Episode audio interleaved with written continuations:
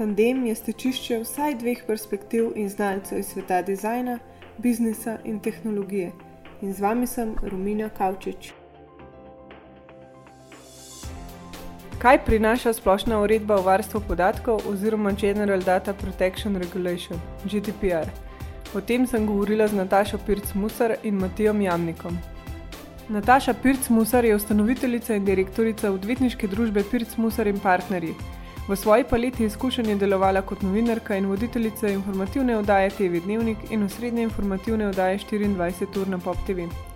Kariero je nadaljevala v gospodarstvu, bila vodja službe za korporativno komuniciranje v Activa Group, na to tudi kot direktorica Centra za izobraževanje in informiranje na Vrhovnem sodišču. Od leta 2005 je upravljala funkcijo informacijske pooblaščenke. Izvoljena je bila tudi kot predsednica skupnega nadzora organa za Europol. Leta 2015 je doktorirala s tezo, kako najti pravo ravnovesje med varstvom osebnih podatkov in dostopom do informacij javnega značaja z uporabo testa interesa javnosti. Matija Jamnik je direktor odvetniške pisarne Jamnik DOO in stalni pogodbeni sodelavec pravne pisarne IK Group. Z vprašanji varstva osebnih podatkov in zasebnosti ter nasplošno IT prava se aktivno ukvarja že od leta 2008. Je član in predstavnik za Slovenijo vseevropskega združenja Cloud Privacy Check, Data Privacy Check. O varstvu podatkov redno predava in izobražuje. Akademija finance, NT konferenca, OpenIT, Slovenski inštitut za revizijo in drugi.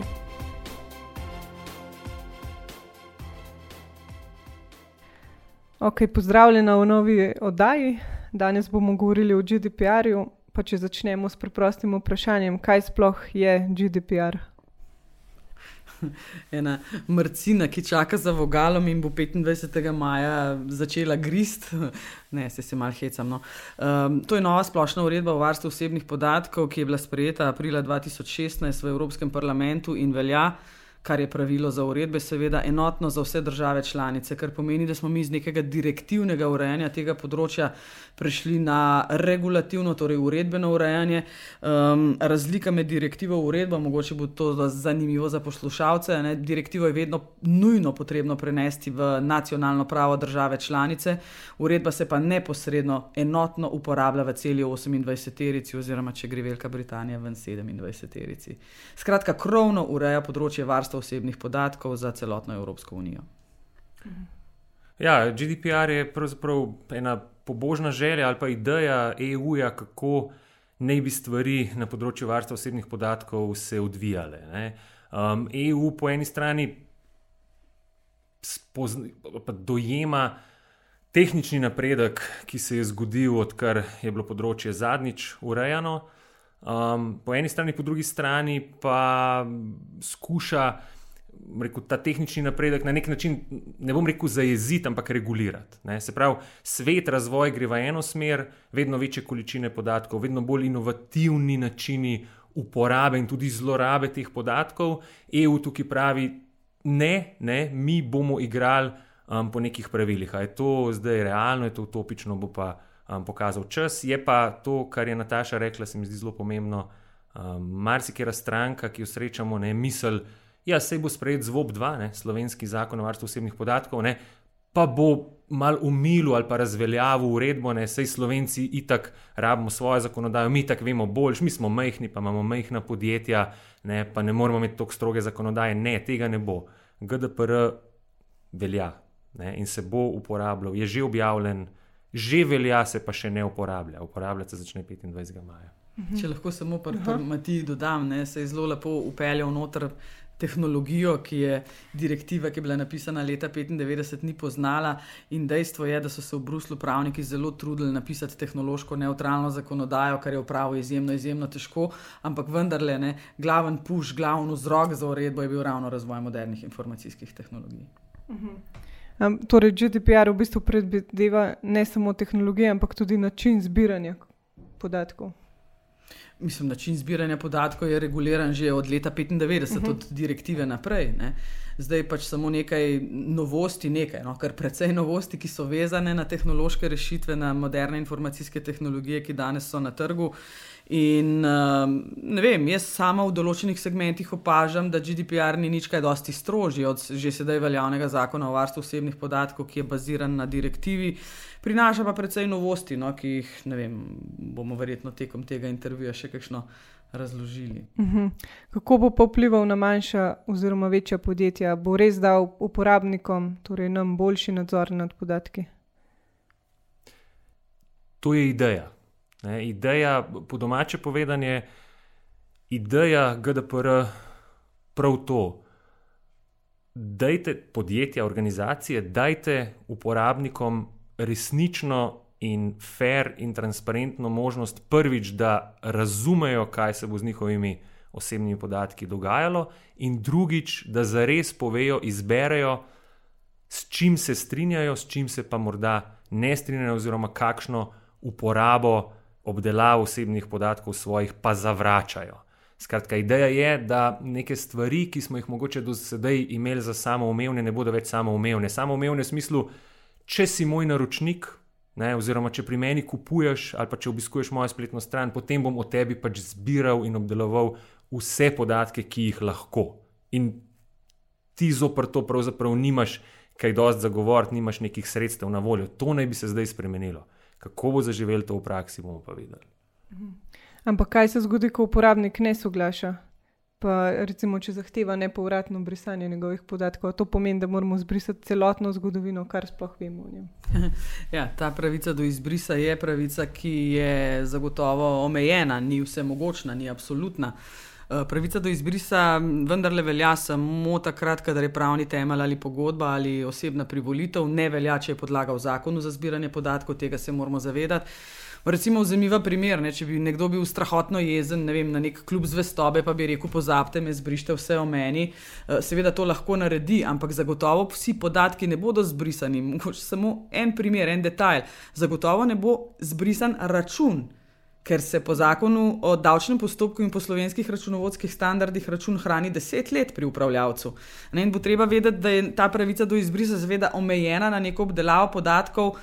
Kjer posameznik ima moč in pravico vplivati na to, nekaj, kar pa drug zakon zahteva, pa zagotovo um, pravica do izbrisa sploh ne bo prišla v poštev. Ampak vendarle, ne, pravica danes je tu, morda je bolj zanimiva ne toliko za te klasične upravljavce. Jaz jo bolj vidim kot neko novost na področju spletnih objav, na področju medijskih objav, namreč po 25. maju 2018 bodo zagotovo tudi v Sloveniji začeli padati prvi primeri, ko bo nekdo zahteval izbris iz medijske spletne strani, ki je objavila neke osebne podatke, informacije o posamezniku, in ta pravica se ne razteza zgolj na nezakonito objavljene podatke ali neresnične podatke, ampak se lahko razteza tudi na nerelevantne podatke. Če sem jaz leta 1995, ko smo dobili internet, naredila neko neumnost ne, v svoji mladosti in to še vedno visi na spletni strani, morate vedeti, da je GDPR zelo, zelo fokusiran tudi na pravice otrok. Ne bom jaz čez 20 let, zdaj že več, 25, ne, če sem rekla, leta 95, 23 let. Mi, mi ta informacija, ki je bila objavljena leta 95 in je bila takrat resnična, recimo, da sem bila skinhead, pa sem mačkam sekala glave, karikiram. Ne. In leta 2018, ko jaz začnem iskati neko zaposlitev, ali pa ne vem, drugo novo zaposlitev, vse je vseeno, meni ta informacija dela škodo. In jaz bom lahko v tem postopku pri pravici do izbrisa dokazala, da je informacija nerelevantna, čeprav je bila 20 let nazaj resnična. Je nerelevantna in mi povzroča škodo, torej lahko uveljavim pravico do izbrisa. V tem delu, recimo, je neka dodana vrednost GDPR-a, ki pa ni toliko vezana na nek klub zvestobe, recimo, ampak bolj na internet in medije. Ja, gre za neke vrste popravljanje zgodovine za nazaj. Ne? na nek način, ampak z dobrim namenom in pod določenimi pogoji. Ne, seveda, ne absolutno. Zdaj, če dobimo zahtevo za izbris in je ta utemeljena, ja, potem smo dolžni podatke izbrisati. Kako? Naš problem. Tehnično, izbrisati podatke iz nekih backupov, varnostnih kopij, velik, velik tehnični problem. Ampak nočna mora. Ampak o tem se uredbodajalec ni prav zelo veliko spraševal. Skratka, upoštevan je bil nek tehnološki vidik, ampak ne pa ravno do zadnjih detajlov. Ne. Ampak kot rečeno, treba bo zagotovo zagotoviti tudi neke tehnične mehanizme, sploh če bo teh zahtev več. Ne, dokler bo to ena zahteva na leto, bomo to naredili peš ali pa ena na mesec. Ko bo pa pet na mesec, bomo pa verjetno začeli razmišljati, morali začeti razmišljati o nekih tehničnih um, ukrepih, kjer bomo to pač s klikom ne, na nek čudežni gumb um, zagotovili. Pa ne samo izbris, vse so tudi tukaj druge pravice. Ne, pravica do, um, do tega, da posameznik prejme podatke v neki strojno berljivi, strukturirani obliki. Pravica, da te podatke prenese nekam drugam in še druge podobne pravice. Ja, se v bistvu se povezuje, če mu jih moramo poslati, kako jih obdelujemo, pa jih pač morajo podjetja tudi znati izbrisati, ker ne bi jih imeli na enem mestu. No, kaj je daleč od tega, da bi jih imeli na enem mestu? Vse to je pravzaprav tisti največji problem. Ne? Mi imamo danes ne samo majhne, ampak tudi velike gospodarske družbe, ki imajo določene zbirke osebnih podatkov na papirju, določene v Excelovih tabelah, določene v sofisticiranih content management sistemih. To je daleč od tega, da bi bilo vse na enem mestu. Zato je tudi pravica do izbrisa lahko nočna mora in tudi pravica do prenosljivosti podatka, kot je rekel kolega Matija. Uh, tako da ni, še zdaleč ni to tako preprosto. Ni vse na enem mestu. Ampak ali GDPR v bistvu tudi zahteva, da imamo varne podatke? Torej, če jih imamo na večjih mestih, ne moramo imeti varnih. No, v bistvu ne vemo, kje so. S to tezo niti ne bi strinjali. Ja, če ne vemo, kje so, je problem. Ne? Če pa vemo, kje so in da so v različnih strukturiranih bazah in vsaka zagotavlja določen nivo zavarovanja takšne zbirke, potem ne bi smel biti problem. Ne? Dejstvo je, kot je rekla Nataša, dokler so podatki v nekih bazah, se pravi, relativno centralizirani, nadzirani, je to ok. Problem je, ko nam te podatki začnejo krožiti po raznih mailih, po raznih USB ključih, po namizjih ali lokalnih diskih naših zaposlenih. Ne zato, ker bi imeli neke zlobne namene, ampak zato, ker je to pač praktično, ker smo na ta način navajeni delati. Ne? Ker tudi morda v duhu varovanja podatkov ne želimo zdaj zaposlenim totalno zagreniti življenja in jim prepovedati in, in onemogočati vse. Ne. Je pa tudi ob tem treba se zavedati, seveda, ne, da absolutne varnosti ni. Ne. Mi lahko zaklenemo in prepovemo vse, ampak v končni fazi še vedno bo lahko nekdo zaposlen ali pa nekdo drug, če bo želel, narediti s svojim pametnim telefonom. Zaslonski posnetek, na katerem bojo neki podatki, in bo to lahko pošiljal okrog. Ne. Tako da, s tehnologijo lahko marsikaj preprečimo, za marsikaj poskrbimo, ne pa spet pa ne absolutno. Ni tudi, ne, tudi tukaj ni tehnologija vse mogoče. Če lahko dodam, na koncu smo tukaj na morali in etiki posameznikov, ki seveda rokujejo zbirkami osebnih podatkov, zato je ozaveščanje ljudi o tem še kako pomembno. In jaz veliko krat recimo povem nek stavek, ki je parafraza Kristusa, najbolj si ga v šoli mulci zapomnijo, ko govorimo o kakšnem cyberbullyingu in jim rečem, nikoli ne naredi česa takšnega drugemu, kar ne bi želel, da kdo drug stori tebi. In če nam to zna odzvanjati v naših malih možganih, tudi takrat, ko nastopamo v vlogi upravljavca. Zdaj, da vedno vprašate, bi bilo meni všeč, če bi nekdo z mojimi osebnimi podatki tako počel. Tehnologija nikoli ne, ne, ne omogoča 100% varnosti, lahko zajezi, ne bo pa preprečila v celoti in tega se moramo vsi skupaj zavedati. Ja, se strinjam. Kako smo pa lahko pri pridobivanju informacij sploh transparentni? Ali to pomeni, da če jaz pridem na neko spletno stran, moram za vsako stvar, ki bomo obdelovali podatke, napisati, naprimer, vaše podatke bomo uporabili za nagradne igre, vaše podatke bomo uporabili za kreiranje boljšega produkta in tako dalje. Ja, načelno ja. Um, ideja GDPR je, bodi vsaj toliko transparenten, da bodo posamezniki, ki ti dajo osebno podatke, oziroma od katerih osebne podatke zbiraš, lahko razumeli, kaj se bo z njihovimi podatki dogajalo. Zdaj, a to pomeni, da moram razkriti algoritem, po katerem svoje kupce razvrščam v recimo posamezne skupine, a ne super kupec, povprečen kupec, brezvezen kupec. Karikiram. Jaz mislim, da ne. Jaz mislim, da ne. Je pa treba povedati, da to počnem in načelno tudi, katere parametre pri tem uporabljam. Se pravi, gledam frekvenco nakupa, gledam vrednost nakupa, gledam odkot, iz katere regije prihaja in tako naprej. Ne, zdaj, a sem dolžen razkriti, kakšen ponder dajem posamezni kategoriji, jaz mislim, da ne. Ampak to je moje mnenje, bomo videli, kaj bo prinesla praksa. Jaz mislim, da ne. Da v take detajle ne, v neko razkrivanje konc koncev poslovnih skrivnosti, lahko ne, ni treba iti, ampak definitivno moramo biti pa tako transparentni, da ljudje razumejo. Ne. Se pravi, te neke abstrakcije, ki smo jih navajeni do sedaj, ne, podatke bomo uporabljali za marketinške namene in potrebe, to ni nič. Ne. To je lahko vse. To je lahko karkoli. Se pravi, ob taki informaciji jaz dejansko ne vem, v resnici ne vem, kaj zdaj lahko pričakujem strani takšnega upravljavca. Ne? Kaj me zdaj čaka? Kaj, kaj, kaj bo jutri? Zdaj zasud z nekimi sporočili, SMS-i ali bo to mogoče enkrat na pol leta, ne, neko kontaktiranje. Ne vem. In če ne vem, ne morem dati relevantnega soglasja oziroma privolitve. Ne. Uredba zdaj um, zahteva, kadar obdelava bazira na privolitvi, da je ta privolitev informirana, ozaveščena. Ne. Zanimivo, um, nemško sodišče v Berlinu, nekaj pa par tednov nazaj, zaenkrat nepravnomočno, pa vendarle reče, podatki, ki so na voljo posamezniku ob tem, ko se registrira na Facebooku, oziroma ki so mu bili, vem, leta 2015, ko mislim, da ta primer se začel, so premalo razumljivi in premalo lahko dostopni, da bi lahko govorili o, o zaveščenem informiranem soglasju. In če soglasje privolitev ni ozaveščena, je neveljavna. Se pravi, sodišče ne reče, premalo je informacij. Ne, informacije so in so tam in so ok, ampak niso dosti razumljive in niso dovolj lahko dostopne.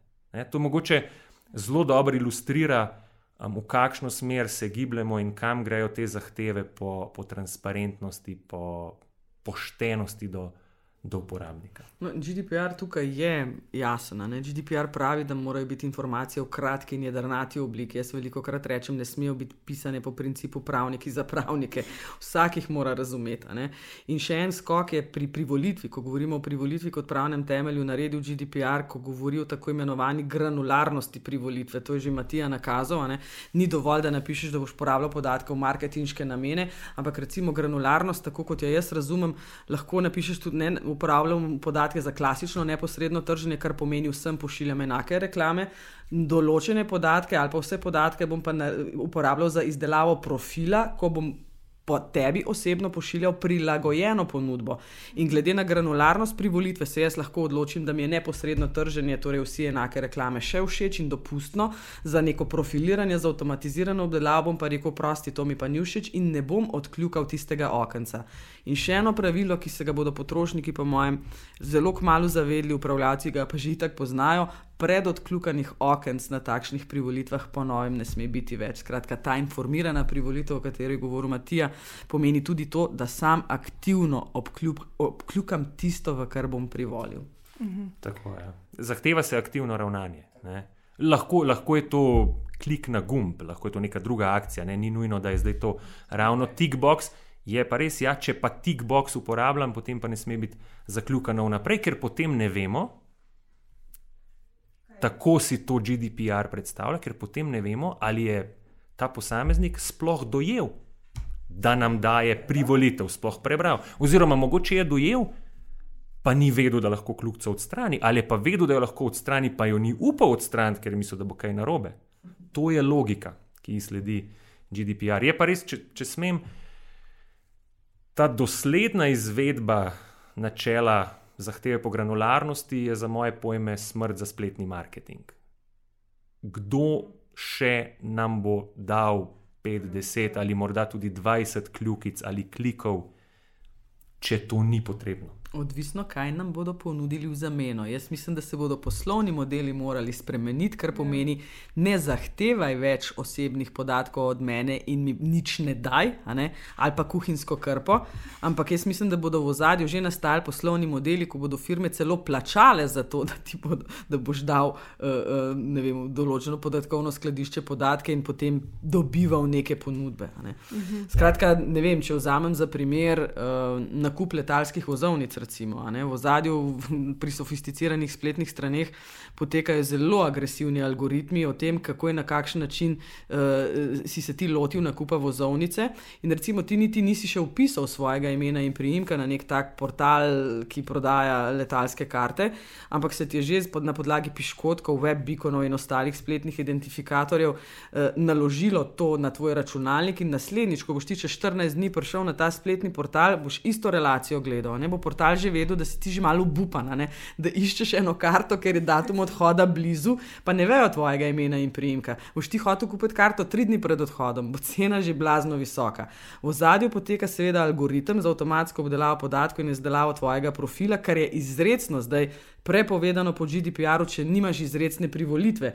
In jaz, seveda, ne bom nora, jaz ne bom dala privolitve nekemu takemu portalu, da mi bo ponujal višjo ceno, ampak bom rekla: V redu, ja, privolim, da delaš to in to z mojimi podatki, ampak jaz želim nekaj od tega imeti. Ponujaj mi torej nižjo ceno letalske ja, ne karte, ne pa, ne pa više. Problem je, da bo portal to verjetno predstavil na način, da bo optimiziral ponudbo za tvojo boljšo uporabniško izkušnjo. Ne? In seveda ne bo povedal, da to pomeni višanje cene pod določenimi pogoji. Um, to bom jaz znala ugotoviti. Menda, ne, če pač kupuješ karte iz Meka, so lahko dražje, kot če jih kupuješ iz PC-ja, ker se ve, da tudi si bolj premožen. Ja. Torej, tudi remarketing prepovedan. Ne, nobena stvar pravzaprav po GDPR ni a priori naprej prepovedana. Mislim, brez soglasja, brez ker je marketing je ponovadi pač preden sploh karkoli soglašamo, v bistvu sploh ne vemo, ne? da se to dogaja. Ja, zdaj, set, zdaj tako, treba je, treba je videti, ne, ali remarketing bazira zgolj na nekih piškotkih ali podobnih tehnologijah. Ne. Tukaj velja ločena ureditev in tudi v pripravi je ločena uredba, tako imenovana e-privacy regulation, sicer neka ideja je bila, da bi tudi začela veljati 25. maja, ampak mislim, da se to ne bo zgodilo, tako kot se za ZVOB 2 zelo verjetno ne bo zgodilo, ker smo pač izgubili vlado v, v, um, v finišu. Um, seveda pa ne obstajajo pa načini remarketinga, ne, um, kjer pa se ponudniku, ne, Google, Facebooku, pa posredujejo neki osebni podatki, recimo mail, ne, mail uporabnika. Tako da Uh, Mečem to treba ločiti, ampak ja, načelno, um, kakršna koli obdelava, recimo, če smo, če smo zdaj pri nekem e-mail marketingu, ne, karkoli, kar je več od zgolj golega pošiljanja, ne, se pravi, že spremljanje tega, kdo je odprl mail, pa, pa kaj je bral, pa koliko časa je bral, pa je filmček pogledal do konca, ali kje se je ustavil, če ga ni pogledal do konca. Ne, vse to načelno terja neko izredno ozaveščeno, informirano, prostovoljno soglasje. Ne. Soglasje tudi ne sme biti siljeno, ne, ne sme biti skrito ne, v neke splošne pogoje, v neko pogodbo.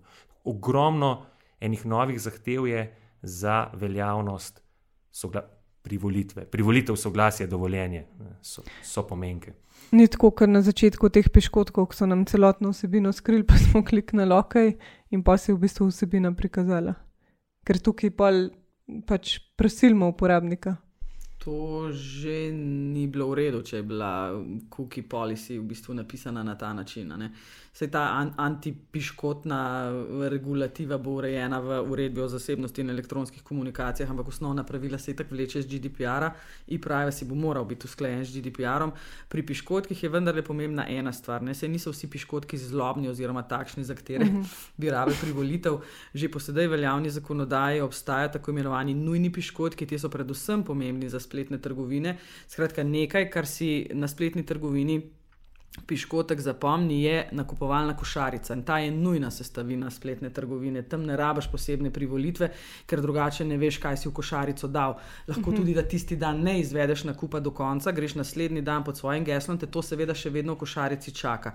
Zaradi piškotkov, seveda, ne, ki so bili uh, nameščeni. To je nujni piškotek. Potem imaš pa piškotke, ki se v zadju ukvarjajo z neko analitiko. Ne. Za te piškotke, ki niso nujni za to, da neka storitev na svetovnem spletu funkcionira, tam je pa treba je pa v bistvu opt-in, torej privolitev. Ja. In kolikor sem jaz brala uredbo, novo uredbo e-privacy, ki je zdaj le pač v trilaterali v usklajevanju med Evropskim parlamentom, komisijo in svetom Evropske unije, se pri piškotkih nič kaj dosti ne spreminja. Ne. Še vedno bo regulativa takšna, kot jo poznamo sedaj, predvsem zaradi razloga, ker industrija ni razvila tako imenovanega Do Not Track standarda. Mi smo si ga želeli, ne, da bi v um, browserjih imeli ta standard, ne sledi me s mhm. piškotki, da bi vsak posameznik v svoj brskalnik povedal, te piškotke hočem, teh nočem, in ne pa na vsaki spletni strani. Ampak žal, kolikor sem zadnje tekste videla, bo še vedno tako, da bo vsaka spletna stran morala obveščati o piškotkih. Ja.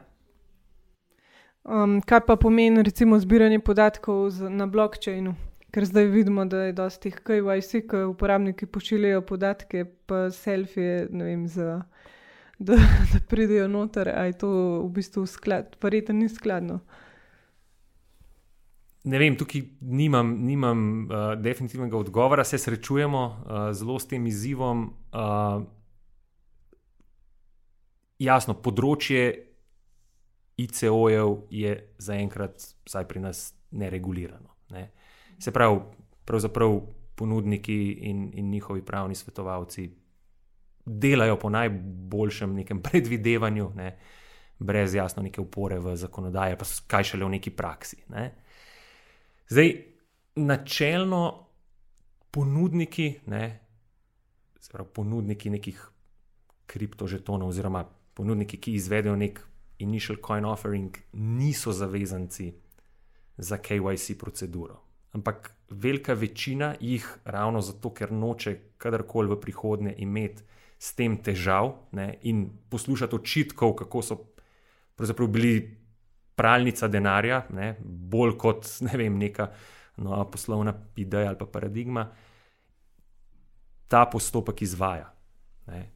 Zdaj, seveda, ni, ni zakon in ni, ni privolitev edina možna podlaga za obdelavo osebnih podatkov, možna podlaga za obdelavo osebnih podatkov je tudi da je obdelava osebnih podatkov potrebna za sklenitev in izvrševanje pogodbe med posameznikom in organizacijo. Zdaj, tukaj seveda ne, tako je vprašanje, ali so ti podatki potrebni ne, za izvršitev pogodbe. Moja razlaga bi bila, da pač ima organizacija, ne, ki KYC izvaja nek zakonit interes, ne, nek, nek legitimen razlog ne, za to, da pač KYC izvede. Varuje, sama sebe varuje hrbet, ne, kar mislim, da je legitimno, da je razumno. Ne. Zdaj, seveda, kako je KYC izveden, a poberajo res samo nujne podatke ali tukaj pretiravajo ne, z nekimi selfi in tako naprej. Fotokopijami osebnih Fotokopijami osebnih izkaz, screenshot. Tako je, je, je drugo vprašanje. Čeprav poznam ja. tudi KYC-je, pri katerih se recimo posamezniki osebno identificirajo z nekimi. Pomočniki, pooblaščenci po različnih državah, in tako naprej. Ne? Tako da niso vsi KYC enaki. Ampak nimam, nimam dokončnega dogovora, seveda, kot, kot um, ne, pravni svetovalec, seveda, ne, ki v glavnem svetuje podjetjem, se seveda nagibam za to, ne, da, da KYC lahko izvajajo, da za to um, obstaja bodi si zakonit interes, bodi si, da je to potrebno za, za pač izvršitev pogodbe, ampak um, dokončnega odgovora nimamo in ga najbrž še kar nekaj, nekaj časa ne bomo imeli. Bolj zanimivo mi je vprašanje, um, ker smo se tudi s tem že srečevali, ne, ali se lahko osebni podatki hranijo v blockchainu, ne? se pravi, kriptirani. Um, velika ovira je, je um, seveda, zahteva GDPR, oziroma omejitve GDPR glede iznosa v tretje države, ne? izven EU, oziroma izven Evropskega gospodarskega prostora. Ne?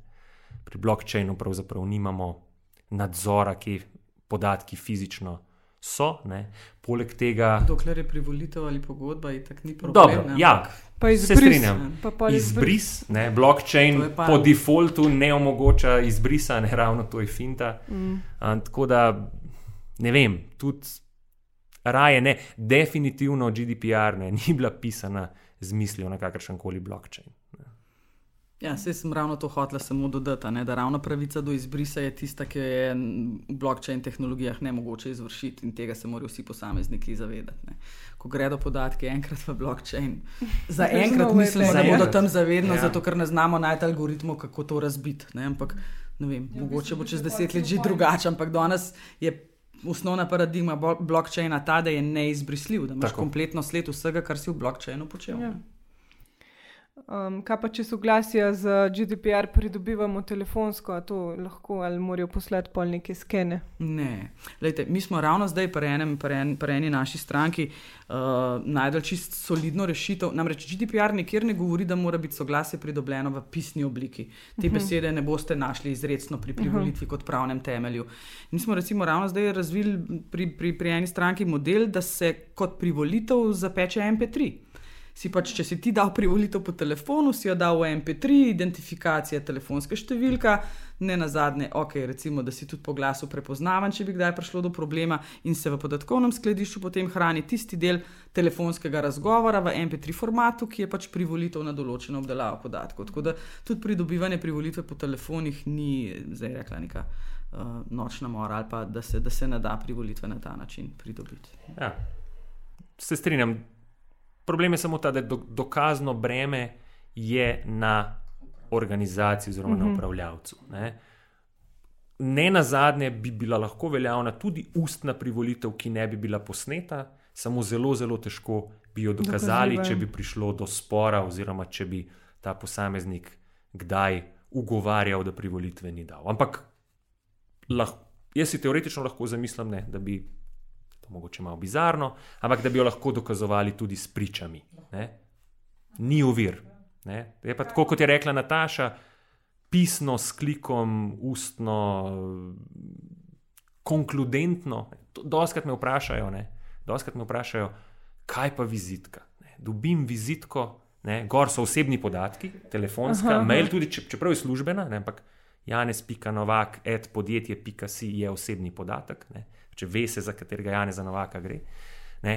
In kaj zdaj? Ne? A zdaj moram jaz dobiti še posebej pisno privolitev? Ne, pravim, ne to je konkludentna privolitev, ne? očitna privolitev, ne? neko mhm. očitno uh -huh. ravnanje, ki kaže na to, da je privolitev dana, ampak seveda pozor, ne?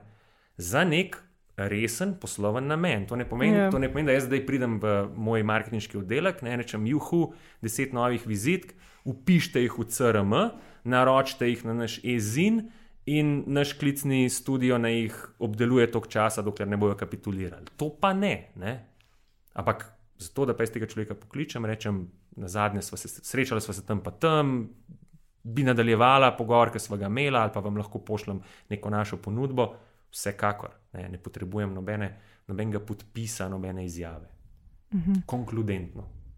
Kaj pa ta vprašanja, recimo, ker doskrat se objavljajo slike zaposlenih, pač neki team buildingov ali pa tako. Ja. Moramo tudi uh, soglasja zaposlenih pridobiti za objave. Eh, v odnosu delavec-delodajalec je seveda zgodba lahko malce drugačna. Ne? In v odnosu delavec-delodajalec je treba izjemno, izjemno paziti, da privolitev ni prisilitev. Skratka, da delodajalec ne bo rekel, če pa ti zdaj ne privoliš v objavo neke fotografije, tem pa je službe vrgo, tega si ne sme prvoščiti. Mi imamo sedaj, recimo v 106. členu zakona o varstvu osebnih podatkov, ki še sedaj velja, določilo, ki pravi, da je delodajalec tisti, ki se odloči, kakšne in katere osebne podatke, kontaktne v posameznem delovcu, bo dal recimo na spletno stran. Skratka, šef je tisti, ki se odloči, da ti si vodja marketinga, tvoj elektronski naslov, tvoj ime in primek in telefonska številka bosta objavljena na spletni strani, ne rabaš privolitve. Ampak vi ste pa vprašali, recimo za neka, ne vem, neke team buildinge ali pa nek, nek dogodek, ne, novoletni, mislim, žur. novoletni žur karkoli. Uh, tam je pa treba že mar gledati tudi na pravo fotografijo, ali lahko fotografija poseže v osebnostne pravice in tako naprej, ali je kakšen sodelovec sodeloval kot držal za koleno, pa bo zdaj to objavljeno na spletni strani, pa bo žena videla. Mislim, to so lahko zelo realne situacije.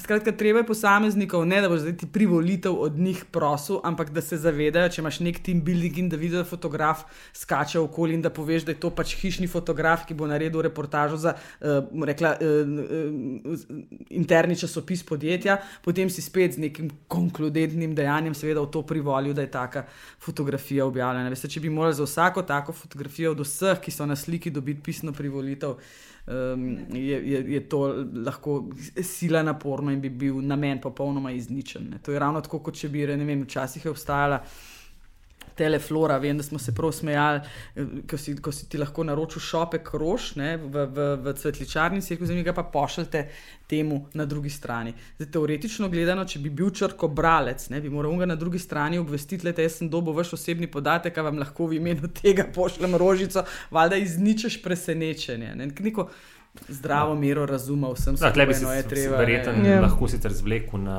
na pogodbo, zakoniti interes. Podobno je, podobno je prodaja, spletna prodaja. Ja. Seveda ta paket pošiljko lahko um, pošleš. Nekomu drugemu, morda celo kot darilo, ne? morda zato, ker ga bo on lahko prevzel, ker tebe in tako naprej. Ne? Zdaj, da bi moral pridobivati, ne vem, ne, neko privolitev, ne, ne, tukaj, tukaj ne. Uh, je pa ja, sicer pa se strinjam s tem, kar je rekla Nataša, ampak recimo objava ne, portretnih fotografij vseh zaposlenih, ne, ker pač želimo, ne vem, izpust kot odprto podjetje, ne, kjer so pač zaposleni uh, pomemben del imidža in tako naprej. Ne, ne, najbrž objava fotografije, razen na nekih ja, izpostavljenih funkcijah, ne, ni potrebna za izvrševanje pogodbe o zaposlitvi, oziroma za izpolnjevanje obveznosti iz delovnega razmerja. Ne? In bi kakšen zaposleni ne, lahko imel zelo upravičen pomislek, ne, oziroma rekel, jaz se pač s tem ne strinjam, ne želim, da je moja fotografija objavljena na spletu in bi delodajalec to moral um, spoštovati. Uh mhm. -huh. Tukaj recimo. Združenje Evropskih informacijskih pooblaščencev, Working Party 29, bodoči odbor, reče, ne, celo, celo tako, ne, da v delovnem razmerju se rajš ne zanašati na soglasje, ker boš težko dokazal, da je bilo prostovoljno. Ne. Se pravi, tisto, kar ne gre pod pogodbo, ne, ali pa kjer nimaš nekega zakona, ki pravi, da smeš, oziroma ponati celo moraš obdelovati podatke o svojih zaposlenih, potem rajši ne, oziroma potem res dobro razmisli, ali boš lahko zares. Dokazal, oziroma utemeljil, prikazal, da je soglasje dejansko bilo prostovoljno, da ni bilo prisile, če tudi subtilne, prikrite. Mm, ja. Ravno pri fotografijah no, se je treba zavedati, da um, fotografija pove marsikaj. Fotografija lahko razkrije raso ne, po barvi kože, fotografija lahko razkrije poškodbo na obrazu, ki je nekdo ima. Tako da tukaj so kakšni ljudje upravičeno ne, postavijo na stališče, da pač nočem, da je moja fotografija objavljena, ker pač komuniciram s strankami po telefonu, nikoli me v živo ne bodo videle in je to to. Um, res pa je, da v kakšnih primerih pa seveda lahko, Matija ga je večkrat omenil, greš na nek zakonit interes ali pa celo na pogodbo, recimo manekenka zagotovo ne bo mogla reči ne objaviti mojega fotobuka, če je njen biznis prodajati fotografije eh, obraza in tako naprej. Ali pa če zakon določa, ne vem, fotografija na inšpekcijski izkaznici, spet je pač to del delovnega procesa, fotografija mora biti. Uh, mi smo pa že imeli primere, ko so se pri delodajalcu odločili, da bi dali fotografije zaposlenih gor. In sem lepo pač povedal, da kdo želi fotografijo, lahko gor, kdo ne želi, je pač ne bo. In si imel na spletni strani vem, tri objavljene, pa treh pa fotke pač ni bilo.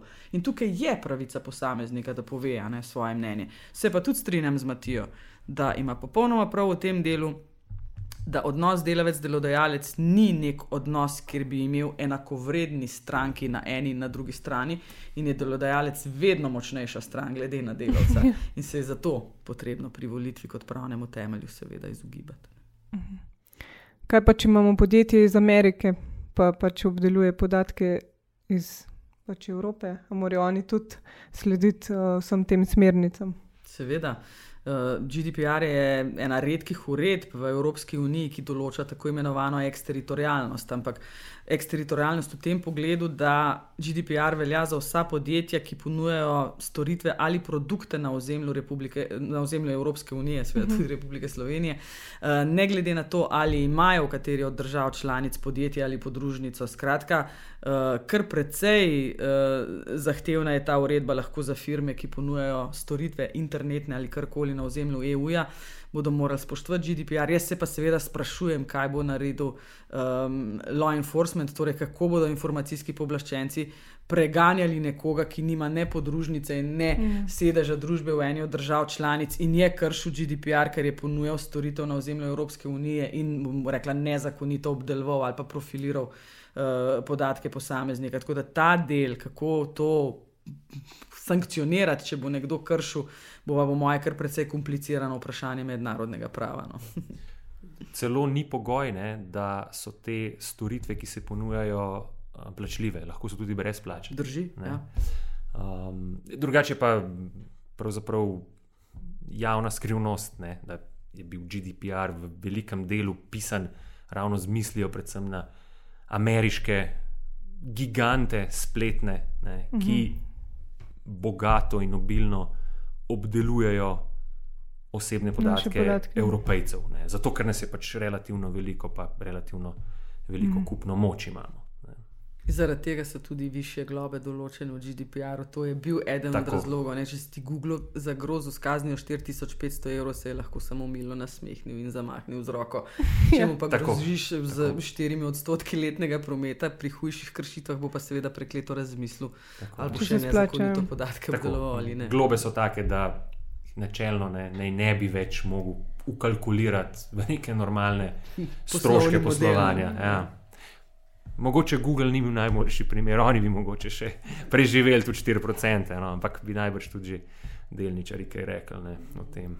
A pa bomo mogli pri pregledu inšpekcije dokazati vse sledi, kako smo pr, eh, pridobili vsa ta soglasja.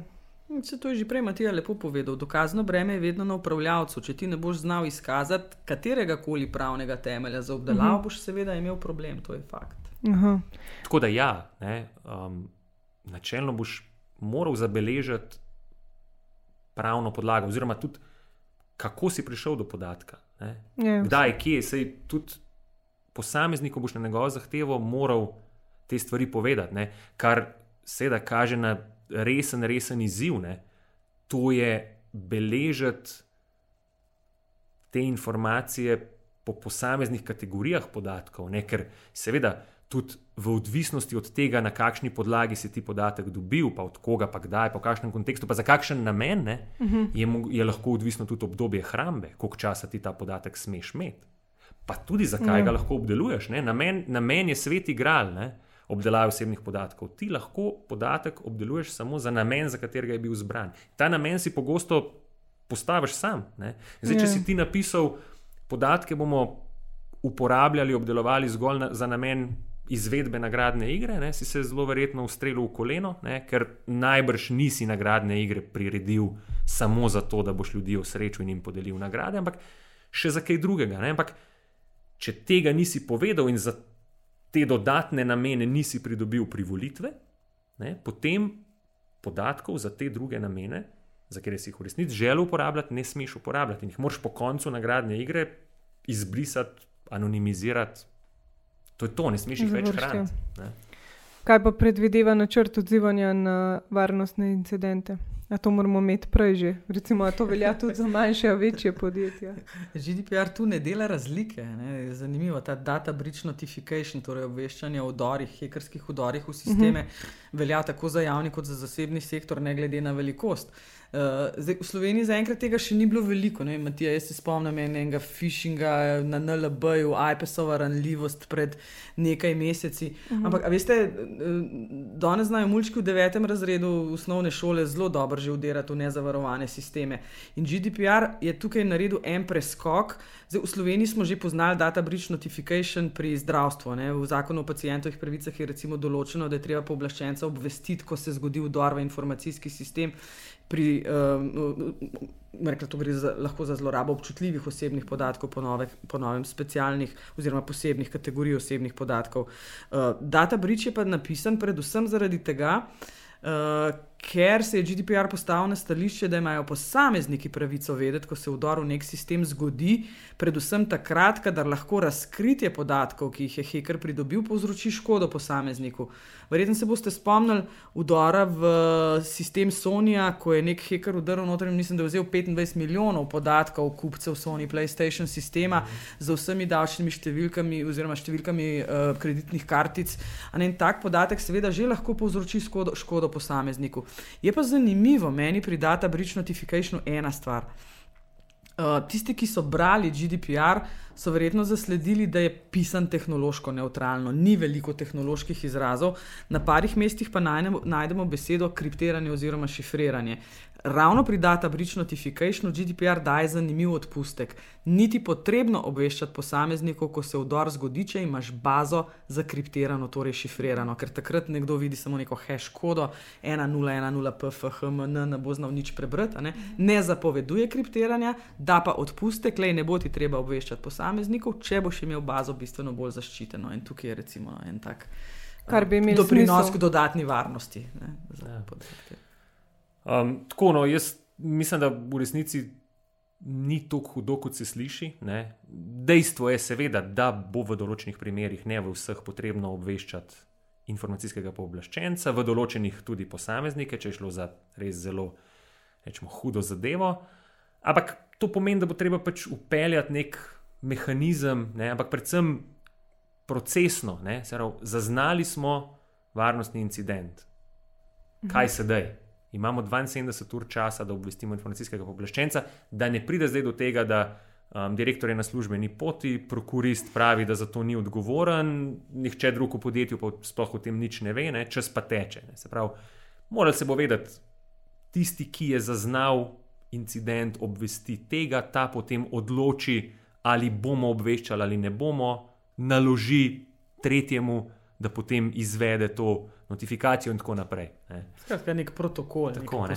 je, pa, je, pa, je pa treba še to dodati, ne. se seveda strinjam s tem, kar je povedala Nataša, hekari pa to, ampak tako ne, to nas ne sme zavesti ne, na, na osebne podatke, ne, lahko prežijo tudi, prežijo v narekovajih, ne, tudi naši zaposleni, naši, naši sodelavci. Ne, In ne nujno z nekimi zlobnimi nameni, ne. čeprav je recimo um, prekopiranje baze, ko greš, ko zapustiš delodajalca v Sloveniji, kar skoraj nacionalni hobi. Ne?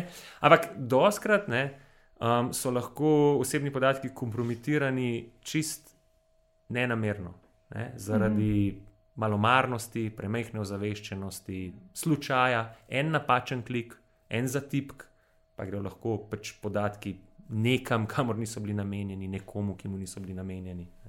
Tako da niso, ja, vedno si pa pri zlorabah predstavljamo ne, neke zunanje hekerje, zlobne fante, ki prežijo na naše osebne podatke. Seveda so ne, in bodo, in verjetno vedno več, ampak ne, um, to, to nas ne sme zavesti.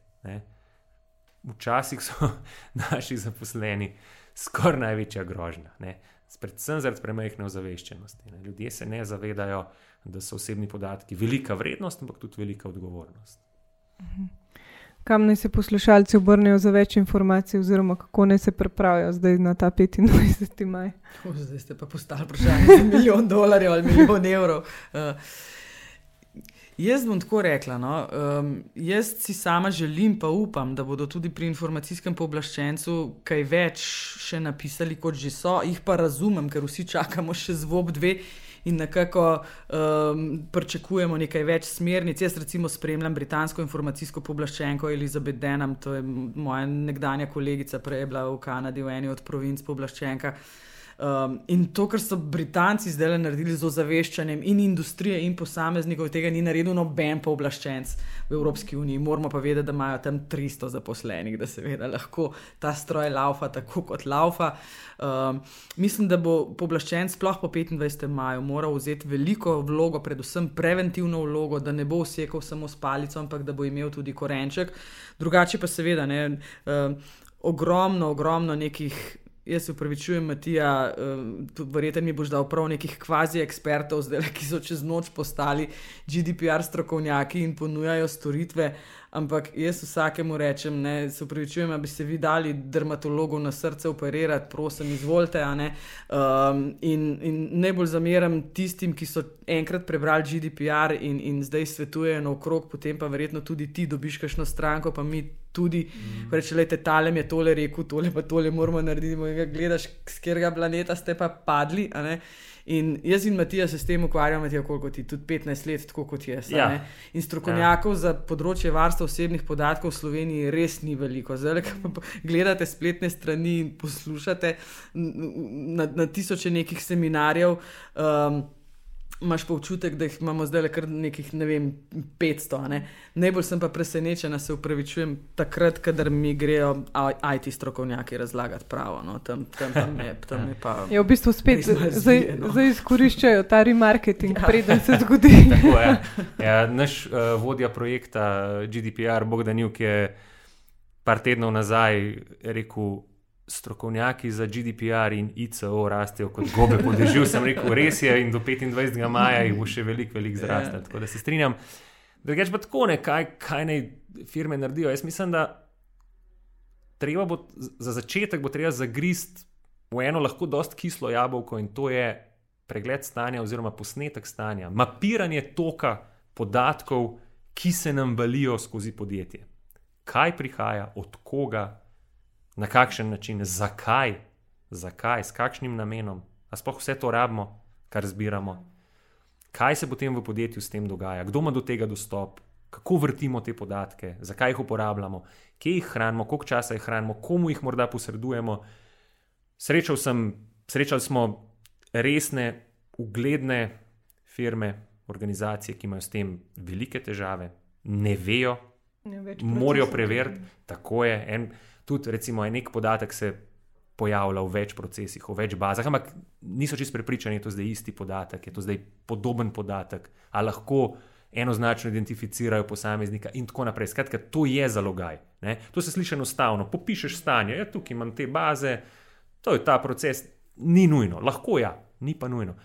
Ko imaš to, si po mojem naredu že skoraj pol dela, potem moš pa videti, mogoče se jaz kom tudi posvetovati, kakšne so zahteve GDPR, ne, in reči, manjka mi to, to, to. In to vrzel bom preskočil, zapolnil na način ta in ta. Um, je, pa, je pa neki dejstvo, ne, to se tudi ne zavedajo organizacije, ne, da ni več tega, ne, da bi rekel, da sem zrihtal varstvo osebnih podatkov, kljukca. Direktor je podpisal pravilnik o zavarovanju, dal smo ga v predal, če kdo vpraša, ga bo videl in to je to.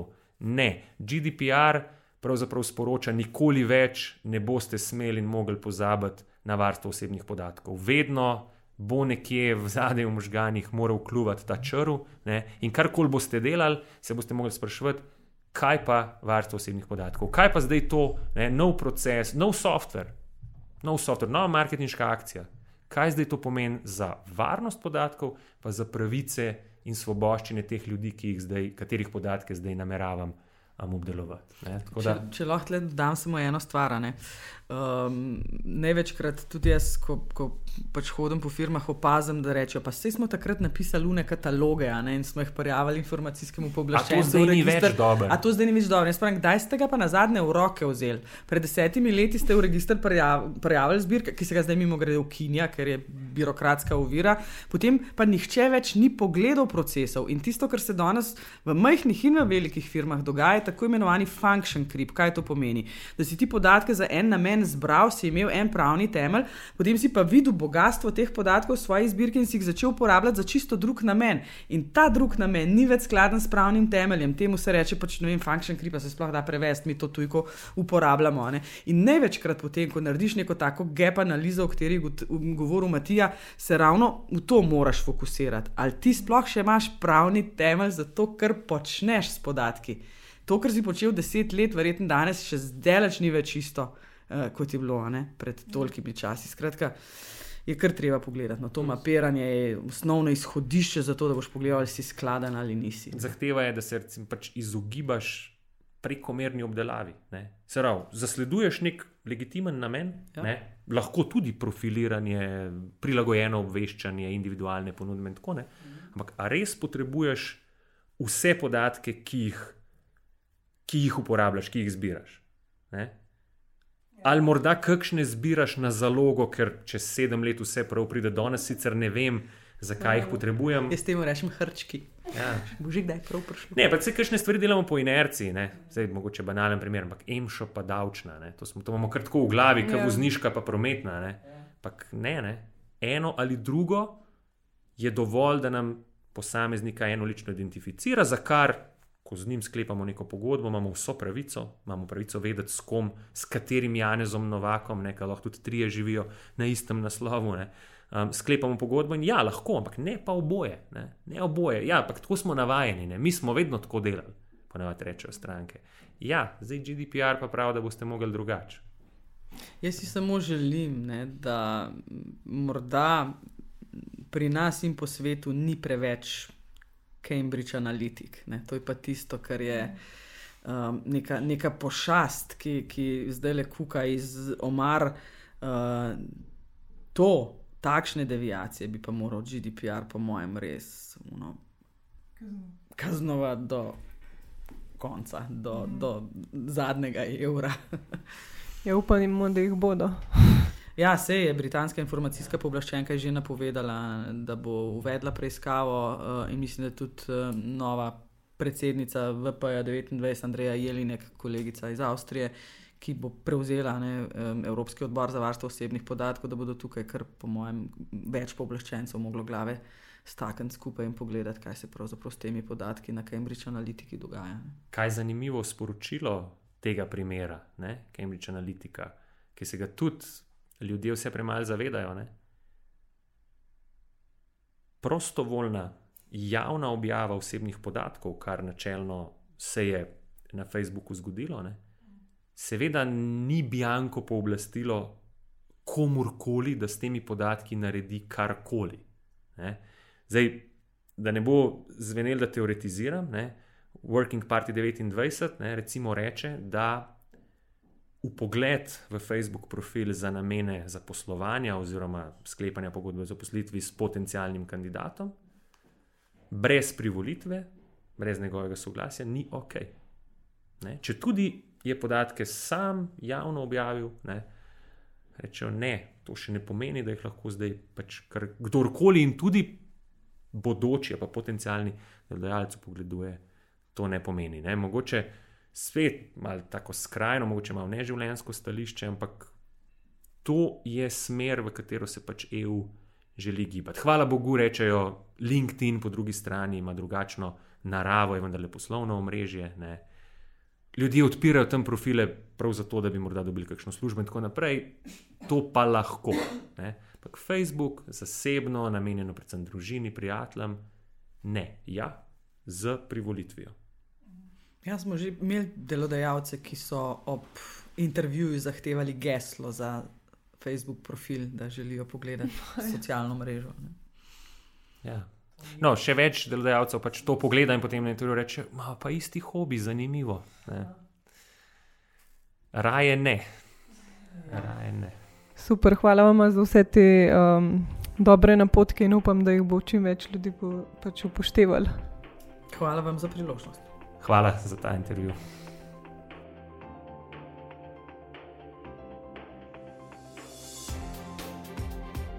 Tandem lahko spremljate na Twitterju, Instagramu in Facebooku pod Poslušaj Tandem.